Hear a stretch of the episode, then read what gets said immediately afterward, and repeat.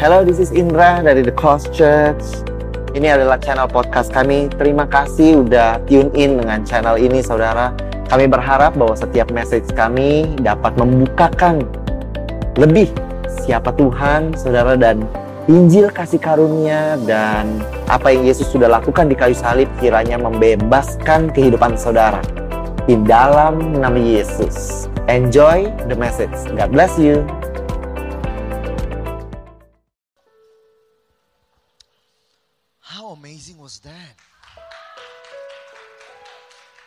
Was wow, in the presence of the Lord, we are being refreshed and renewed, saudara. Um, our church express ourselves. Ada yang bertanya mungkin saudara, kenapa kita berdiri waktu khotbah? Terkadang kita angkat tangan kita, why do we shout? Um, waktu waktu uh, worship, tapi juga waktu khotbah. Karena I just believe Tuhan, um, I'm a, I, I really believe bahwa setiap bagian tubuh kita diciptakan oleh Tuhan. Tujuan utama setiap bagian tubuh diciptakan adalah untuk memuliakan Tuhan. Every part of the body primarily created to worship and to glorify God. Jadi saudara when we lift up our hands saudara, karena this is an expression we are using our hands to tell him bahwa I surrender, oh just aku tinggikan namamu Tuhan, I just, here I am. Apa pun itu saudara, not only with our lips, tapi juga bahkan tangan kita kita pakai. Why? Karena when God created your hands, lebih daripada ini untuk melakukan apa pun, it is for God, saudara. Ini untuk kemuliaan Tuhan, saudara. Why you shout? Karena lidah saudara dipakai, diciptakan primarily for God, saudara. Lebih daripada untuk yang lain, saudara, is to shout His name, saudara. To say amen kepada janji-janjinya, saudara. Amen. Haleluya. Kenapa kita berdiri waktu kita khotbah when it's um, when we receive something we stand up, saudara. Tapi it is up to you. It's your expression ekspresi yang tidak dipaksakan but if you stand you just in a in a um, um, sebuah posture ready to receive saudara menerima yes amen. Saudara oh, you excited that's why you jump you dance saudara. Why? Karena every part of your body was created primarily for the glory of God. Hallelujah. So it's not hype. It's not hype. Though it is hype saudara. But it is expression. Amen. It is worship. Amen. It is worshiping God with all that we are in the name of Jesus. How good was last week's sermon, saudara?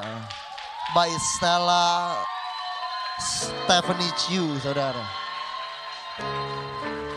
That's so amazing. I'm I'm already proud before she preached, but I'm I'm proud when she did, saudara, dan so many people um, were blessed saudara and such an amazing word of God dari Mary of Nazareth saudara dengan mata yang begitu baru we see God in a new way. Amen. God is so good saudara. Haleluya and God wanna uh, Tuhan masih ingin bekerja kepada kehidupan saudara week in and week out saudara. Masih ada hal-hal yang Tuhan ingin sampaikan kepada saudara Hari ini saya mau bagikan tentang sebuah cerita yang I think, saudara, yang saya rasa cukup terkenal ya. Mungkin setiap kita sudah tahu ceritanya. Ceritanya adalah mengenai Petrus berjalan di atas air. Peter walked on water, oke. Okay? Petrus berjalan di atas air. Eh by the way, Happy Mother's Day. Untuk semua orang yang merayakan.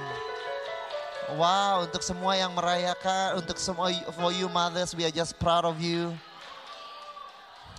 Haleluya. You are an amazing person.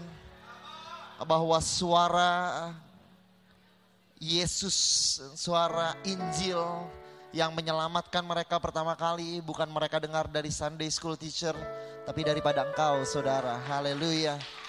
Bahwa Yakub saudara karena iman berdoa untuk Esau, uh, Yakub berdoa untuk Yus, Yus, Yusuf dan uh, anak-anaknya. Yusuf dengan iman berdoa untuk anaknya you, saudara. You gonna pass something of God, saudara.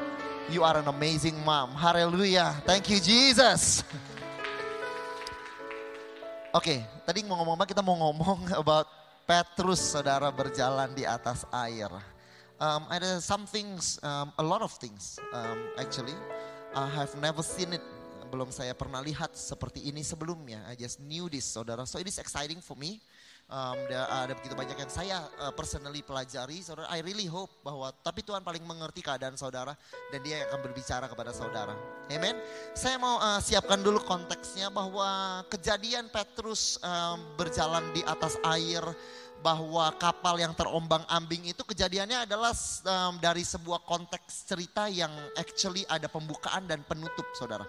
Pembukaannya adalah ketika Yesus memberi makan 5000 orang. Itu adalah pembukaan cerita ini saudara. Lalu mereka pergi, mereka naik di atas um, kapal, mereka terombang ambing, Yesus datang, Petrus berjalan di atas air. Mereka sampai ke seberang lalu Yesus menjelaskan apa artinya? Karena banyak orang ikutin Yesus saudara. Mereka lihat Yesus udah gak ada, mereka jalan ikutin Yesus. Lalu Yesus jelaskan mengenai roti itu bahwa dia bilang bahwa saya adalah roti hidup. Lebih penting dari roti tadi. Saya adalah roti hidup. Jadi ceritanya tuh uh, pembukaannya seperti itu, penutupannya seperti itu. Dan cerita Petrus berjalan di atas air itu ada di tengah-tengahnya saudara. Oke. Okay?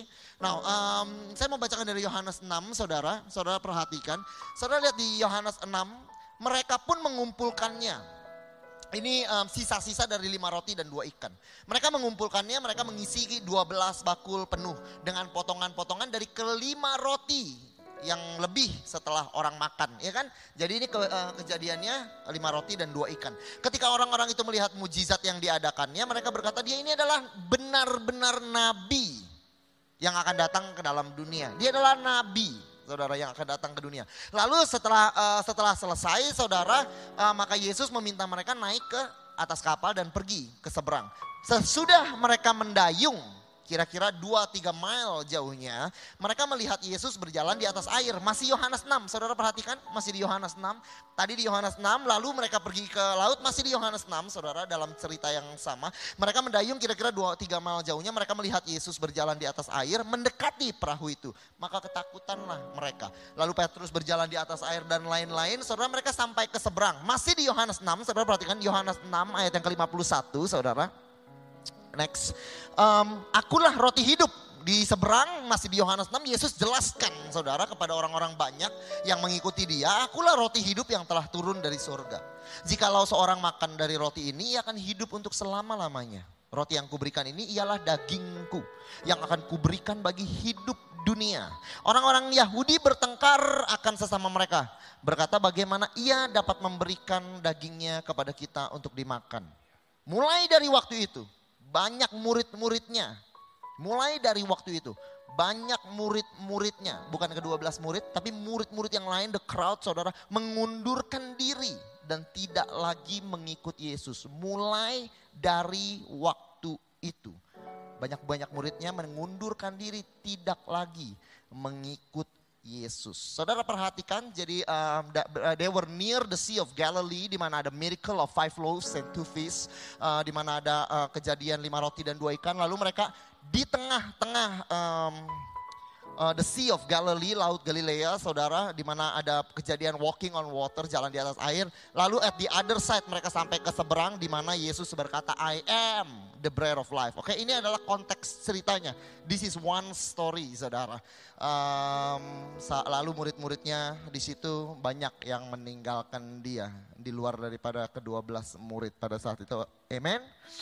Matius 14, um, kejadian ini ditulis dari tiga kitab Injil. Kejadian ini ditulis dalam tiga kitab Injil, saudara, uh, yaitu Matius, Markus, dan Yohanes. Selain daripada Lukas, uh, uh, penulis kitab, menuliskan cerita ini. Hari ini kita akan bahas dari Matius 14, ayat yang ke-22 sampai yang ke-33. Kita masuk ke dalam kejadian at the Sea of Galilee. Sesudah itu, sesudah dia beri makan 5.000 orang laki-laki di luar perempuan dan anak-anak Sesudah itu, Yesus segera memerintahkan murid-muridnya naik ke perahu, mendahuluinya ke seberang. Sementara itu ia menyuruh orang banyak pulang. Setelah orang banyak itu disuruhnya pulang, Yesus naik ke atas bukit untuk berdoa seorang diri. Ketika hari sudah malam, Yesus sendirian di situ. Perahu murid-muridnya sudah beberapa mile jauhnya. Dari pantai dan diombang-ambingkan oleh gelombang. Ada waves saudara, ada gelombang mengombang-ambingkan mereka. Karena angin sakal, angin yang berat saudara. Kira-kira jam 3 malam datanglah Yesus kepada mereka berjalan di atas air. Ketika murid-muridnya melihat dia berjalan di atas air, mereka terkejut, mereka berseru, itu hantu. Lalu berteriak-teriak karena takut mereka. Tapi segera Yesus berkata kepada mereka, tenang, tenanglah, take courage. Tarseo, take courage. Aku ini, jangan takut. Lalu Petrus berseru dan menjawab, Tuhan apabila ini engkau, suruhlah aku datang kepadamu berjalan di atas air. Take courage kata ini delapan kali disebutkan di kitab di perjanjian baru. Semuanya diucapkan oleh Yesus kepada murid-muridnya, saudara. Kepada murid dari ya kepada pengikut dia delapan kali di perjanjian baru. Karena kekuatan saudara, keberanian saudara, kekuatan saudara itu datangnya dari dari Yesus, saudara. Kata Yesus datang, maka Petrus turun dari perahu, berjalan di atas air, mendapatkan Yesus. Tetapi ketika dirasanya tiupan angin, takutlah dia, mulai tenggelam, lalu berteriak, Tuhan, save me, tolong aku tolonglah aku. Segera Yesus mengulurkan tangannya, memegang dia dan berkata, hai orang yang kurang percaya, mengapa engkau bimbang? Lalu mereka naik ke perahu, angin pun reda. Orang-orang yang ada di perahu menyembah dia. Katanya, sesungguhnya engkau anak Allah. Kata mereka sesungguhnya engkau anak Allah. Kita boleh berdoa untuk firman ini. Thank you Jesus. Aku berdoa hari ini, only you know how to speak to us. You are the living bread yang akan mengenyangkan kami. Engkau yang akan menguatkan kami karena engkau adalah roti yang hidup. Aku berdoa that you will unveil menunjukkan dirimu sehingga engkau memberi kami makan dengan cara Tuhan that our heart and our life is satisfied Tuhan. Kuatkan kami, you know every single person here better than I. Speak Lord, your sons and your daughter listen. In Jesus' name, and everybody says, Amen.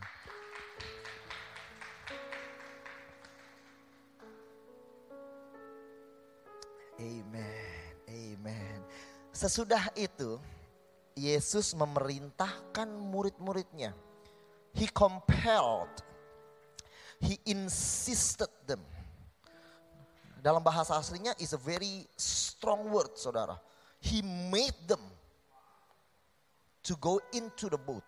Dia mendorong mereka, memerintahkan mereka naik ke atas perahu untuk mendahuluinya ke seberang. Sementara sementara itu ia yang menyuruh orang banyak pulang.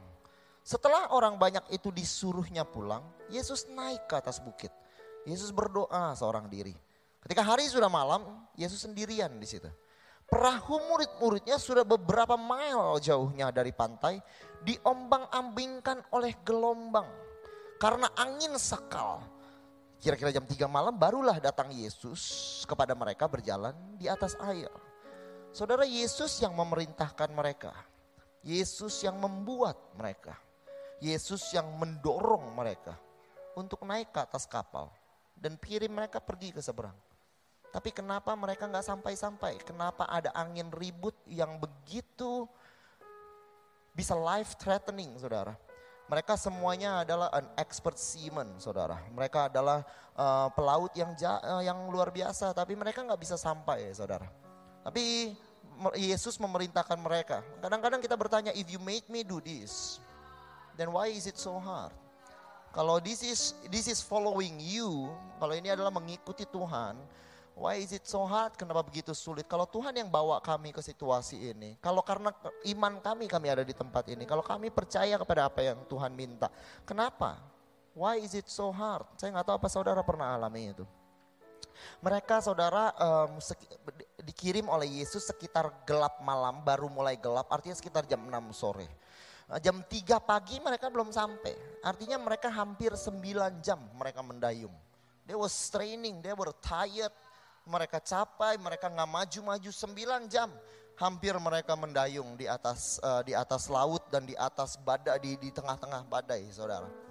Dan why is it take longer? Kenapa lebih lama? Kalau memang ini Tuhan yang suruh, why is it what, does why does it take longer than it should, Saudara?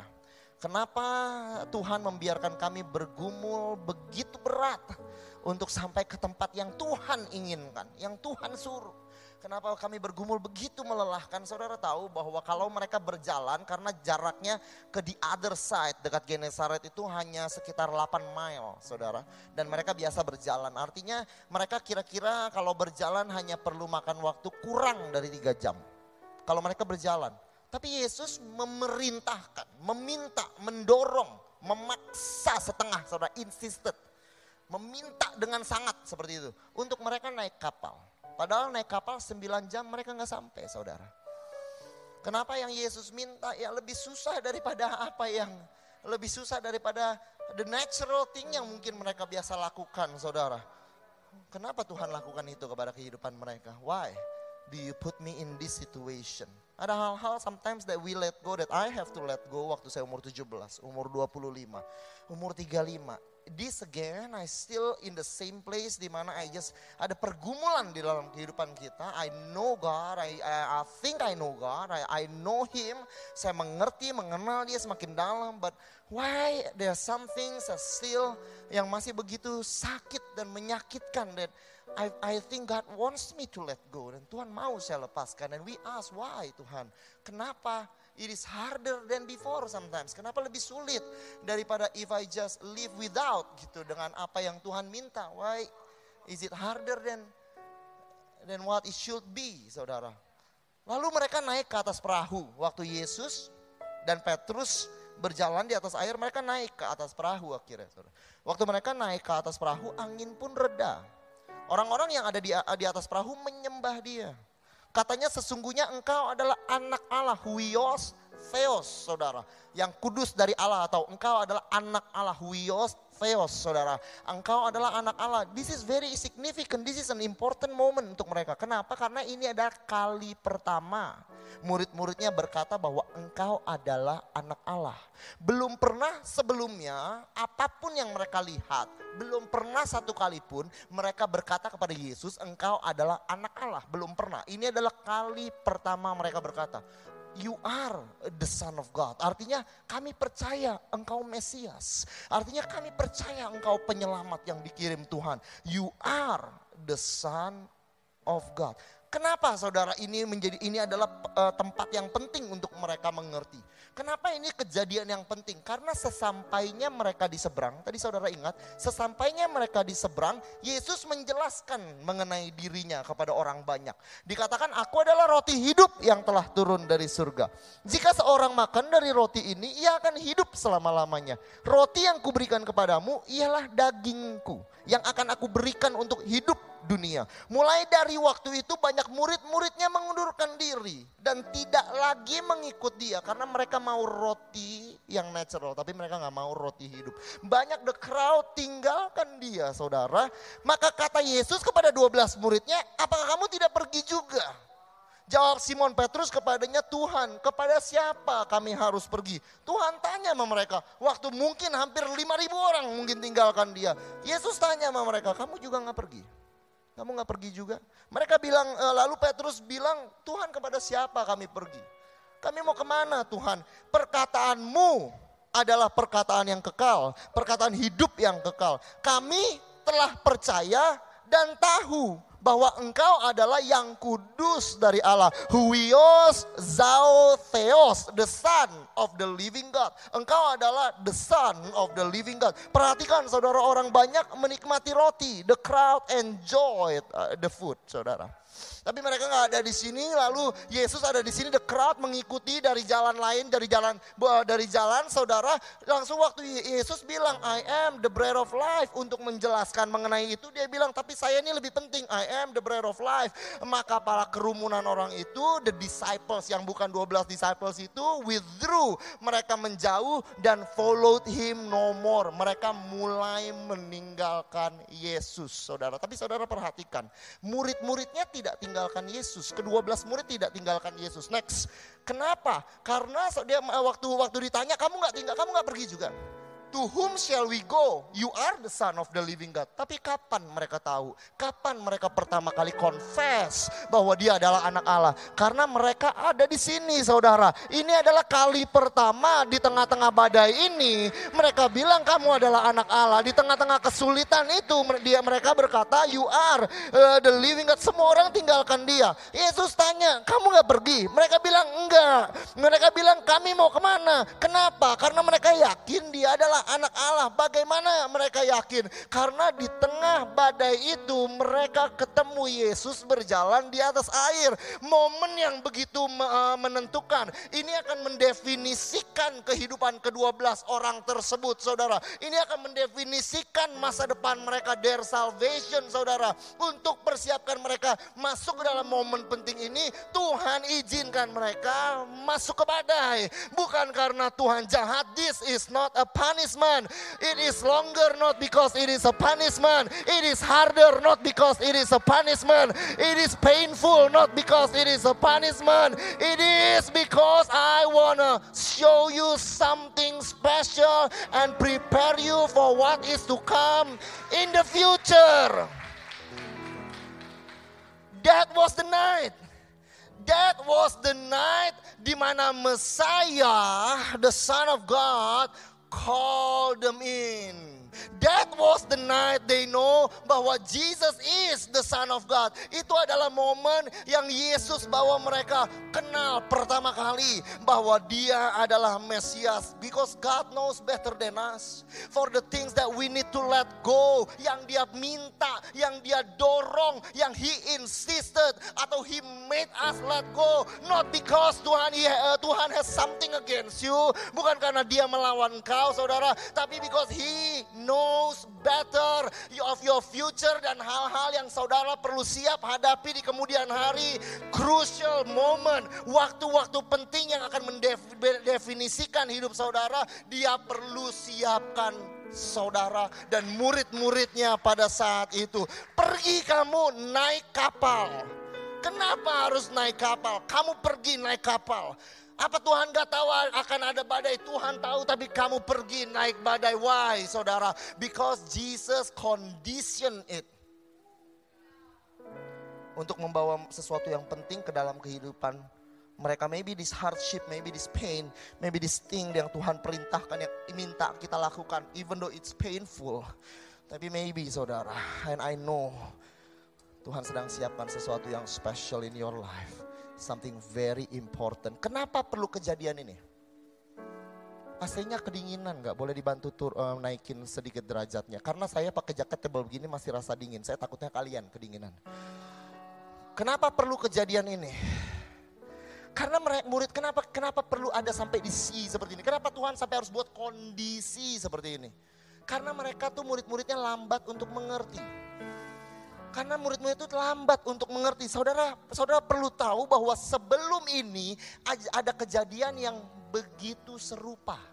Mirip sekali saudara. Yesus ada di atas kapal. Saudara ingat ada badai juga. Yesus berhentikan angin juga. Saudara ingat itu? Di Matius 8 kita baca. Yesus naik ke dalam perahu dan murid-muridnya pun mengikuti dia. Sekonyong-konyong mengamuklah angin ribut di danau itu. Di dalam kehidupan saudara ada angin ribut bukan berarti Yesus nggak ada di situ saudara. Sehingga perahu itu ditimbus gelombang. Tetapi Yesus tidur saudara.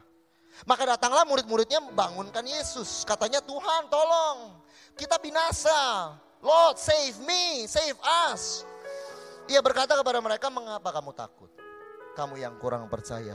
Lalu bangunlah Yesus menghardik angin dan danau itu. Danau itu menjadi teduh sekali. Tuhan hentikan saudara badai menjadi teduh sekali. Heran orang-orang saudara.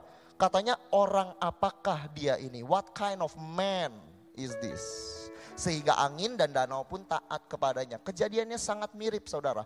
Waktu Yesus berjalan di atas air, saudara perhatikan perahu murid-muridnya sudah beberapa mile jauhnya dari pantai, diombang-ambingkan oleh gelombang saudara waves karena angin sakal. Kira-kira jam 3 malam datang Yesus berjalan di atas air kepada mereka. Lalu mereka ingin pun reda. Orang-orang yang ada di perahu menyembah dia katanya sesungguhnya engkau adalah anak Allah. Huios Theos. Saudara perhatikan. Kejadiannya begitu mirip karena di sini the disciple was on the boat. Di sini Jesus slept on the boat. Di sini Yesus tidak mau ikut. Yesus bilang kalian pergi duluan. Di sini Jesus stop the wind. Tapi waktu Yesus stop the wind mereka tanya gini, what kind of man is this? Tapi waktu mereka lihat Yesus jalan di atas air, mereka bilang, you are not a man. You are the son of God, saudara. Kenapa Yesus lakukan itu? Karena apa yang ada di seberang itu begitu penting momennya. Di mana banyak orang akan tinggalkan dia. Sehingga Yesus kondisikan keadaannya serupa dari sebelumnya. Tapi mereka lambat mengerti. Tapi Yesus kondisikan lagi agar apa? Agar Yesus bisa repeat the lesson. This is not, this hardship saudara is not a punishment This hardship is a child training. Tuhan izinkan saudara kadang-kadang ada di tengah ini. Bukan penyakit tentunya, bukan kutuk. No, no, no. Tapi Tuhan izinkan saudara ada di beberapa keadaan saudara. Because saudara, he is patient and he wanna repeat the lesson to you. Something important yang mereka belum pernah lihat. Tuhan ulang keadaannya. Tuhan kondisikan. Because he wanna teach you and reteach you and reteach you and reteach you is not a punishment. It is the patience of God yang gonna bring you towards repentance, saudara. In the name of Jesus.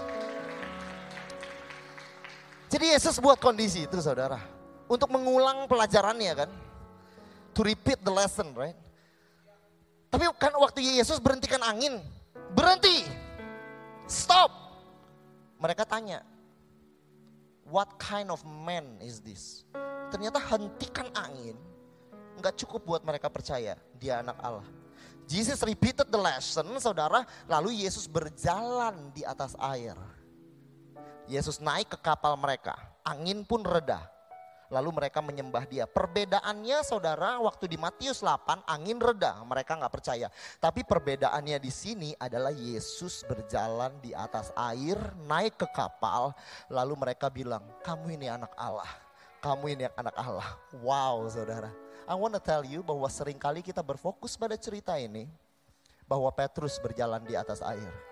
Inti dan kunci daripada cerita ini bukan Petrus jalan di atas air Inti dan kunci cerita ini adalah Yesus jalan di atas air. This story is about Jesus walking on water, saudara. My God, saudara, ada kunci yang besar. This is so amazing, saudara. Woo! Woo!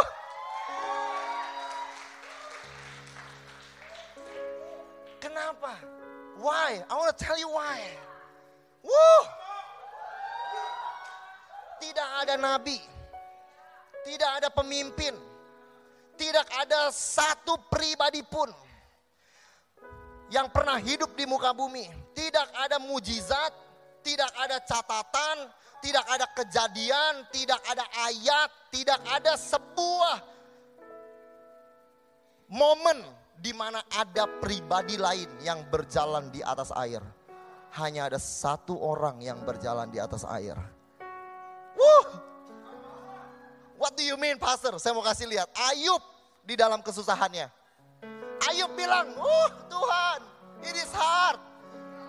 Hilang istri, hilang anak, dia susah, hidupnya susah, dia so, dia, dia, dia, he, he was in the moment that it was painful. Tapi dia dapatkan kekuatannya waktu dia katakan ini saudara. Allah itu bijak, Allah itu kuat.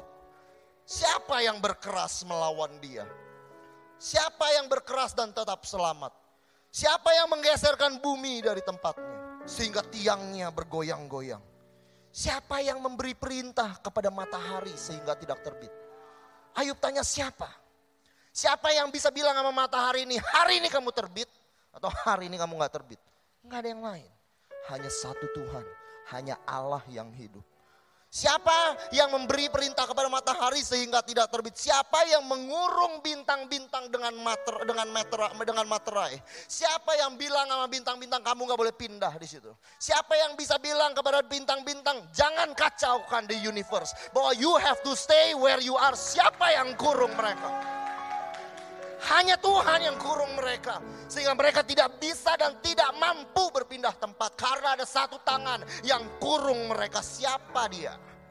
Siapa yang membentuk orang diri tanpa bantuan membentangkan langit? Siapa yang bentangkan langit dengan tangannya? There is no one else, saudara. Pada waktu dia ciptakan, dia ambil dan dia bentangkan langit, saudara. Who? Siapa yang bentangkan langit? Enggak ada yang lain.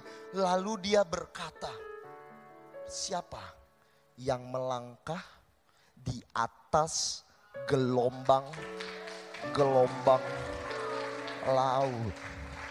Waktu tuh waktu Ayub jelaskan tentang Allah yang hidup, dia tanya, siapa yang bilang matahari berhenti? Terbit atau tidak terbit? Tuhan yang bilang. Siapa yang bilang? Yang kurung bintang. Bintang-bintang mau berlari tidak bisa. Kamu ada di tempat di mana aku tempatkan kamu dan dikurung oleh tangan yang kuat. Siapa? Enggak ada yang lain. Hanya Tuhan. Siapa yang bentangkan langit? Enggak ada yang lain. Hanya Tuhan. Lalu dia tanya, siapa yang melangkah di atas gelombang gelombang laut?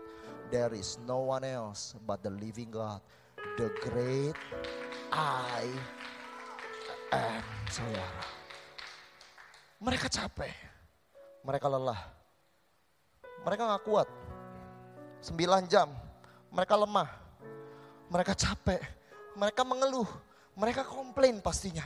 Mereka pasti bertanya why. Kenapa? Why is this happening to us? Lalu datanglah seseorang pribadi yang berjalan di atas gelombang gelombang laut. Enggak ada yang lain, hanya satu. Dia adalah pribadi yang sama yang membentangkan langit. Pribadi yang sama yang memerintahkan matahari.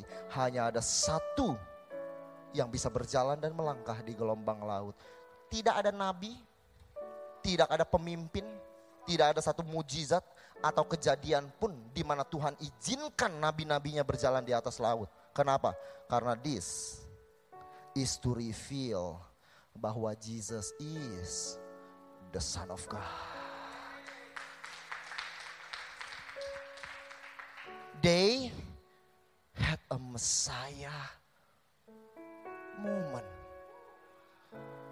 in the storm, in the hardship, in the pain, di dalam kesulitan, di dalam kesukaran, di dalam mengikuti perintah Tuhan di dalam mengikuti yang Tuhan inginkan tapi kejadiannya kacau. Di dalam kegelapan, di dalam ketidakmengertian kenapa Yesus suruh kita pergi di dalam pertanyaan kehidupan. Why? Di dalam kesakitan yang mereka harus alami, kelelahan dan kecapean dan kesakitan yang mereka alami karena Tuhan, Saudara. Karena mereka ikut Tuhan.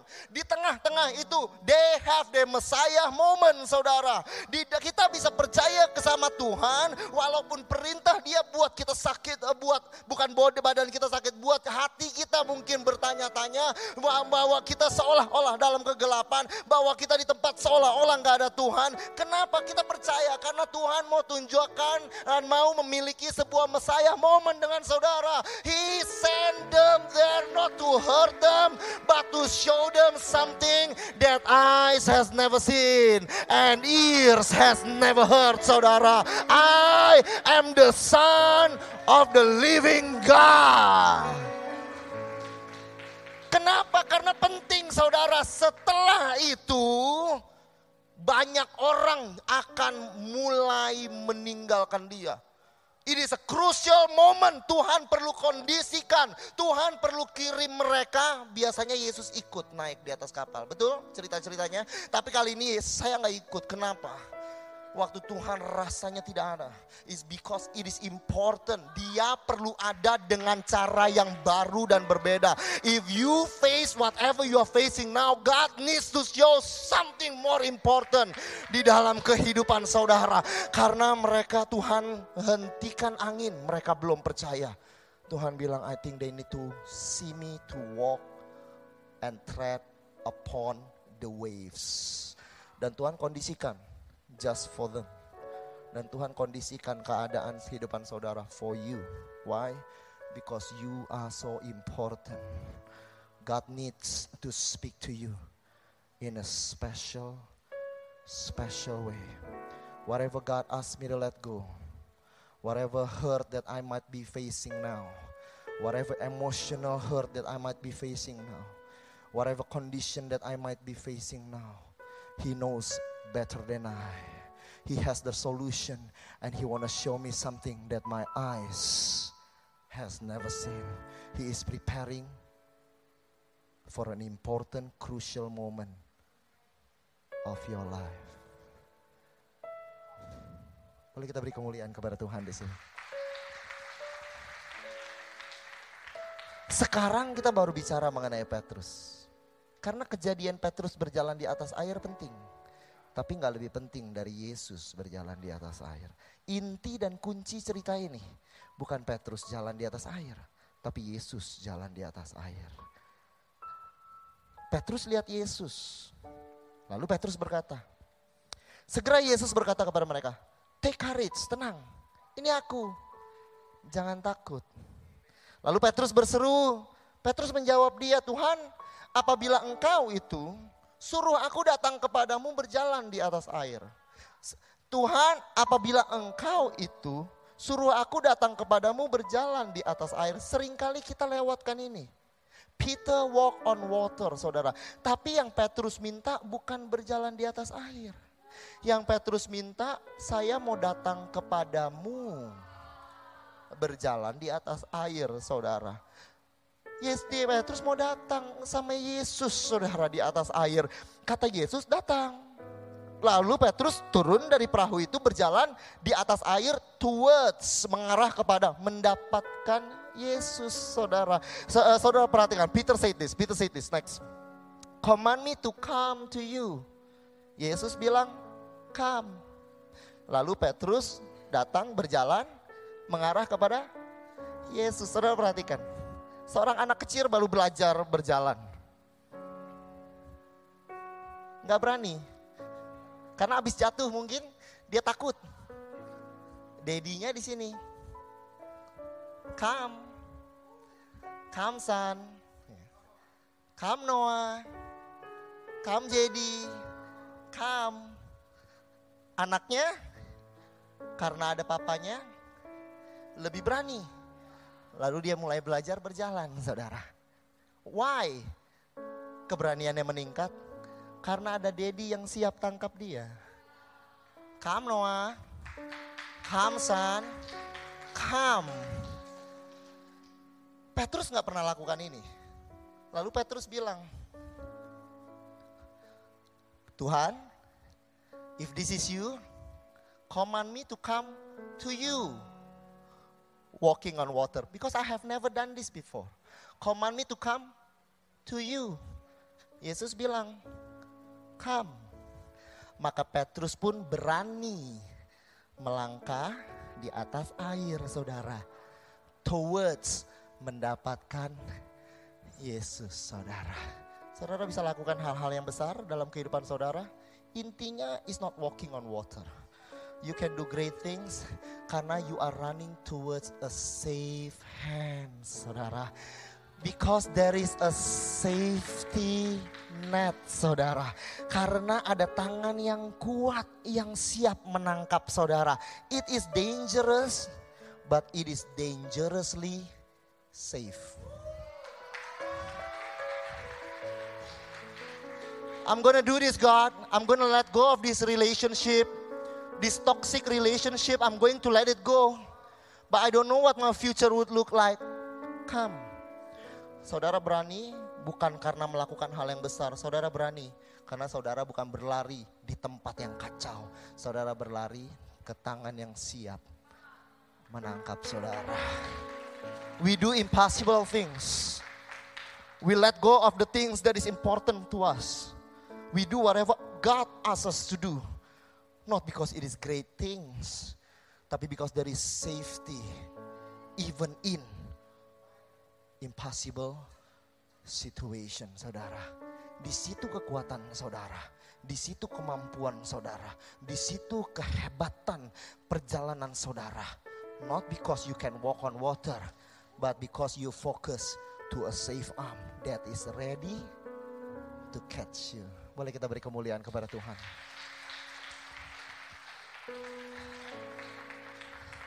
Betul juga saudara tapi jatuhlah Petrus. Ketika dirasanya tiupan angin, takut dia, mulai tenggelam. Lalu berteriak, Tuhan save me, Lord sozo me, Lord save me. Segera Yesus mengulurkan tangannya, memegang dia dan berkata, hai orang yang kurang percaya, kenapa engkau bimbang? Next, saudara perhatikan.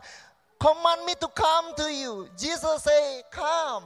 Lalu Petrus belajar berjalan saudara di atas air. Lalu dia jatuh. Peter began to sing. But Jesus caught him. Karena kalau Tuhan kasih sebuah cek pasti bisa dicairkan saudara.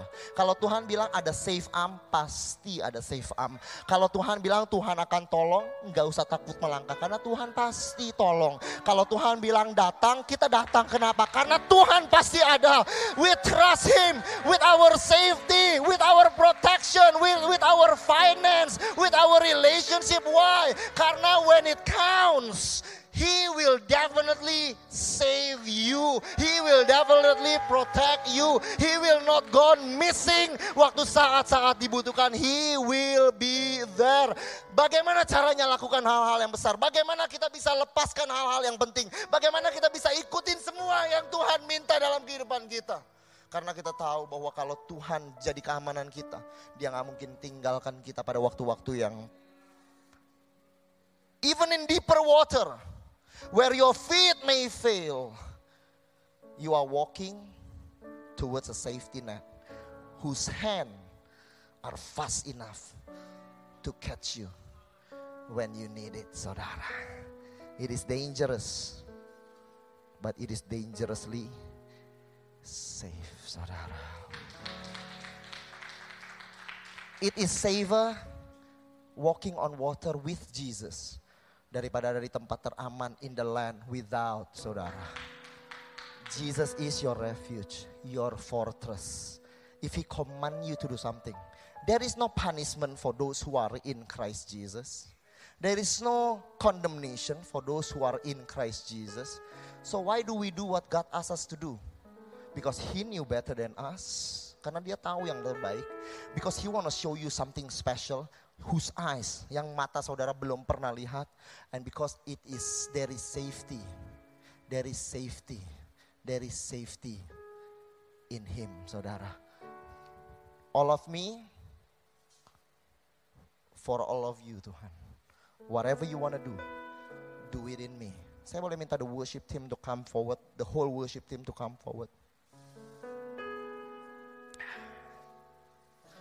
Tadi saya bilang bahwa Yesus bilang, take courage.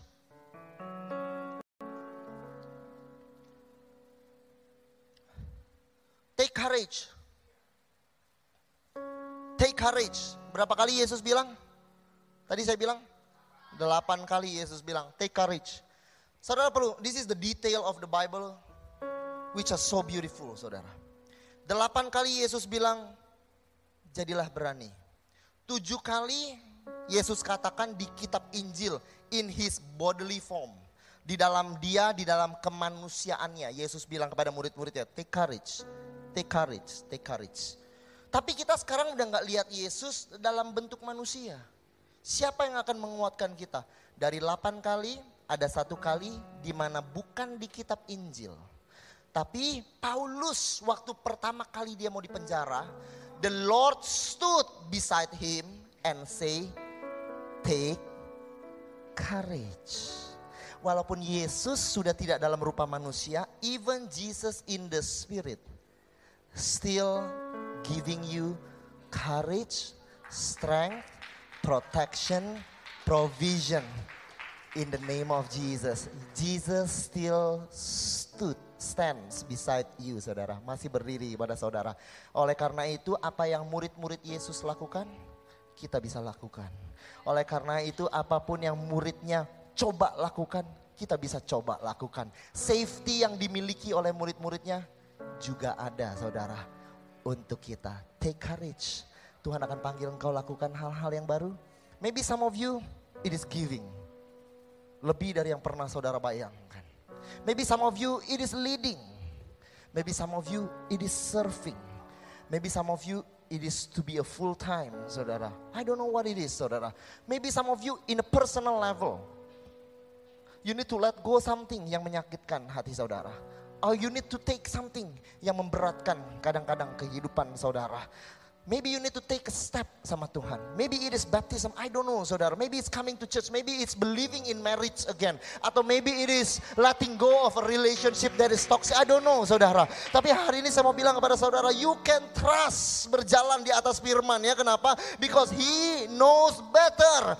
Every condition, every journey yang dia bawa saudara, dia tahu kenapa saudara perlu alami itu saudara. Kenapa saudara berani tukarkan semua keamanan saudara kepada apa yang Yesus katakan? Karena Jesus is your safety net, saudara. Kenapa, saudara? Because dia akan tunjukkan dirinya bahwa He is the Son of the Living God. He is your salvation. He is your protection. He is your refuge. He is your strength. Pada waktu-waktu saudara butuhkan, He will not leave you. He will show Himself strong in the name of Jesus. That is why I follow God with all that I am. Even though there is no punishment.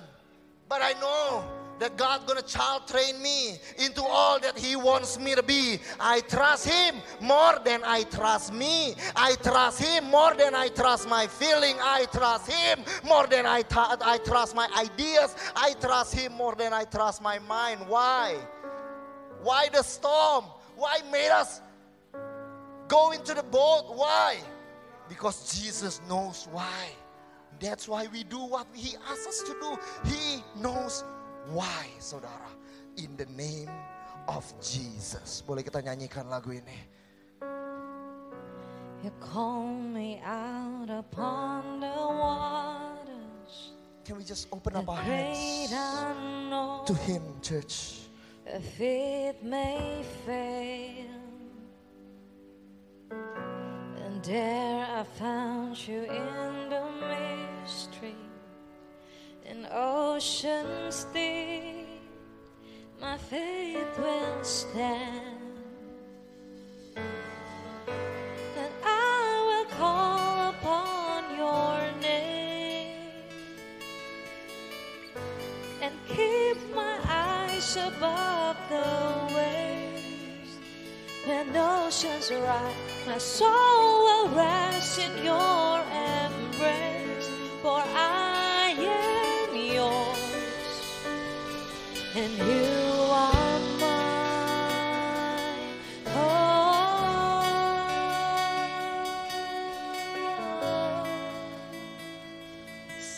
We're gonna sing this song from the beginning again.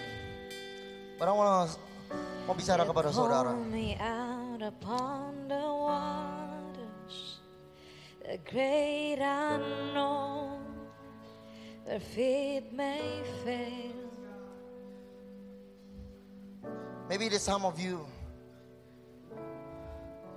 Ada waktu-waktu di dalam kehidupan kekristenan kita. Di mana His kindness bring us near. Di mana kita bilang sama Tuhan, Tuhan all of me.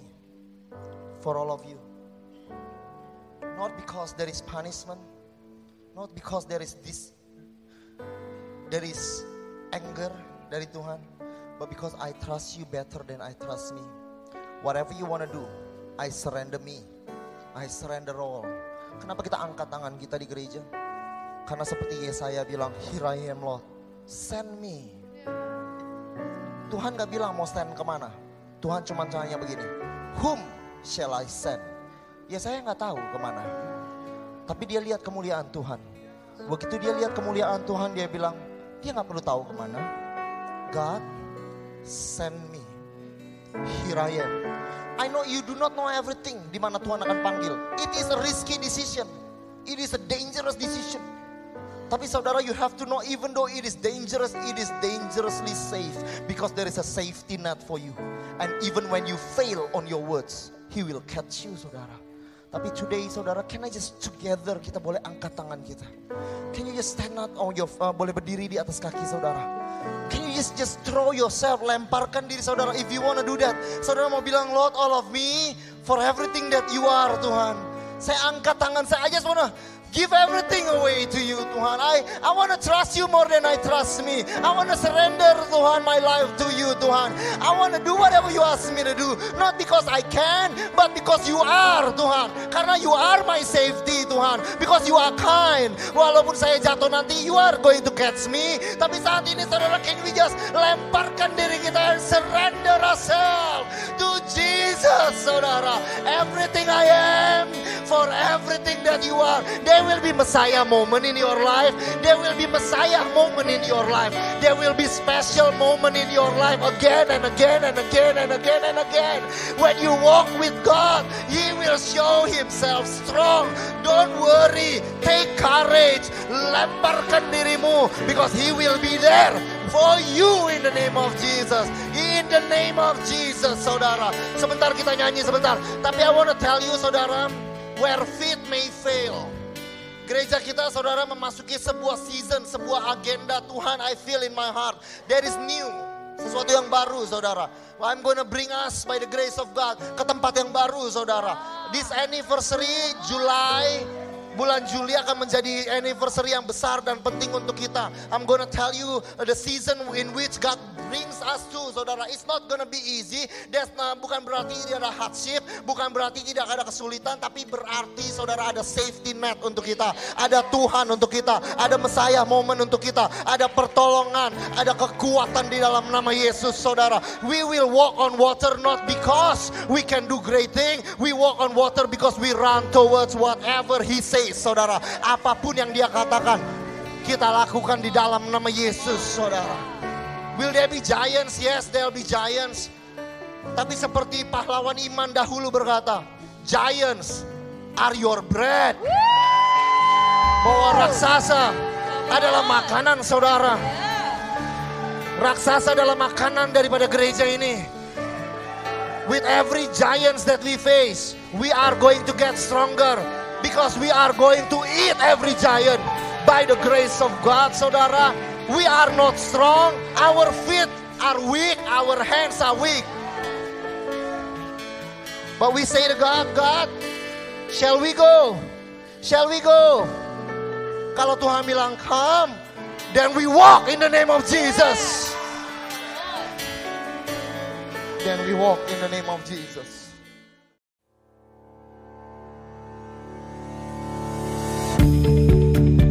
Terima kasih lagi sudah mendengarkan episode ini saudara dari podcast ini. Thank you so much saudara. Saya berharap bahwa Injil kasih karunia dan apa yang Yesus sudah lakukan bisa membebaskan kehidupanmu saudara. Kalau saudara diberkati, saya mengundang saudara untuk share saudara um, sermon ini baik secara pribadi kepada your friends and your family saudara atau you can screenshot dan kau bisa bagikan kepada sosial media saudara dan jadilah terang saudara. I hope um, message ini melalui saudara bisa memberkati lebih banyak orang lagi. Dan kalau saudara diberkati, saya mengundang saudara untuk subscribe kepada channel podcast ini. Again, I want to thank you.